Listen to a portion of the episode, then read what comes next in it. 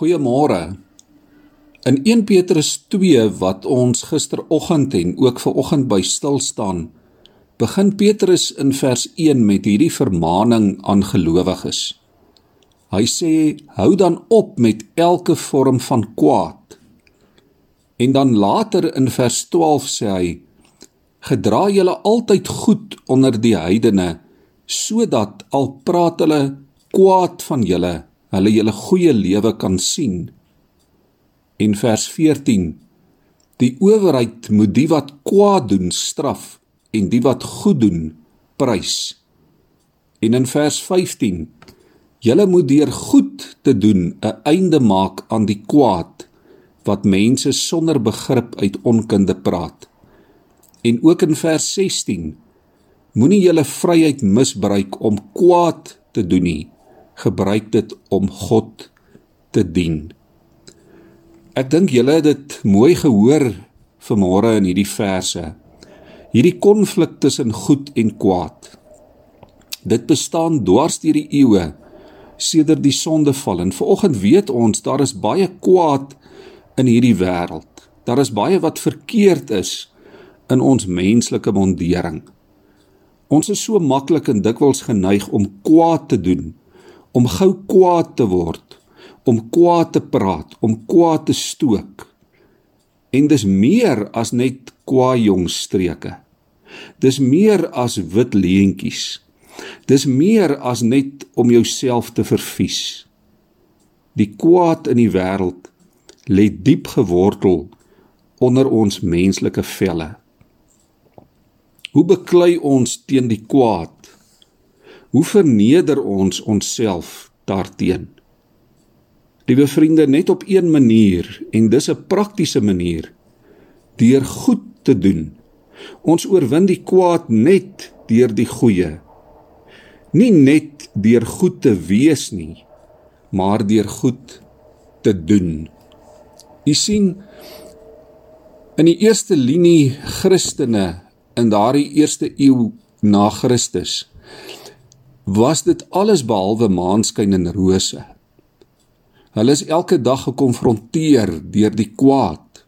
Hulle verhouding met Christus was alles behalwe 'n liewe Jesus ideologie. Hulle is gekonfronteer deur hulle omstandighede. Hulle is uitgedaag om Jesus se voorbeeld prakties uit te leef deur die keuses wat hulle moes maak vir die goeie in plaas van vir dit wat sleg was. In vers 17 moedig Petrus hulle aan vir hulle en vir ons om vier reëls in die lewe na te jaag.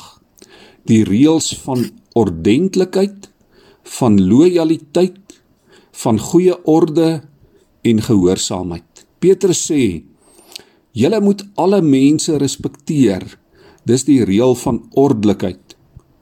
Julle moet julle medegelowiges lief hê Dis die reël van lojaliteit aan jou hartsmense. Hy sê julle moet die keiser, die owerheid eer. Dis die reël van goeie orde. En hy sê julle moet God vrees. Dis die reël van absolute onderdanigheid en gehoorsaamheid.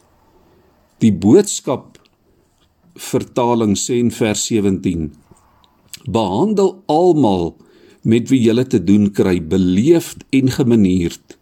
Wees liefdevol en lojaal teenoor julle mede-Christene.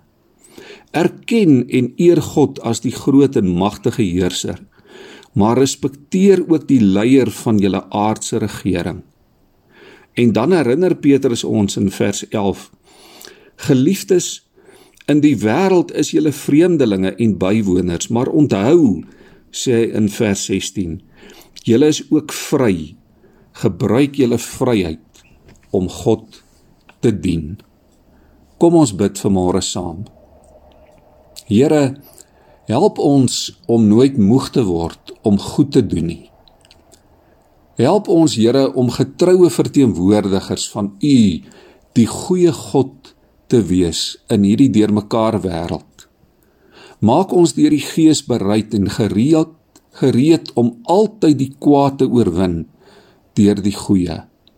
Ja Here, laat ons die heeltyd vra: Wat sou Jesus doen? En laat ons vandag sy voorbeeld volg.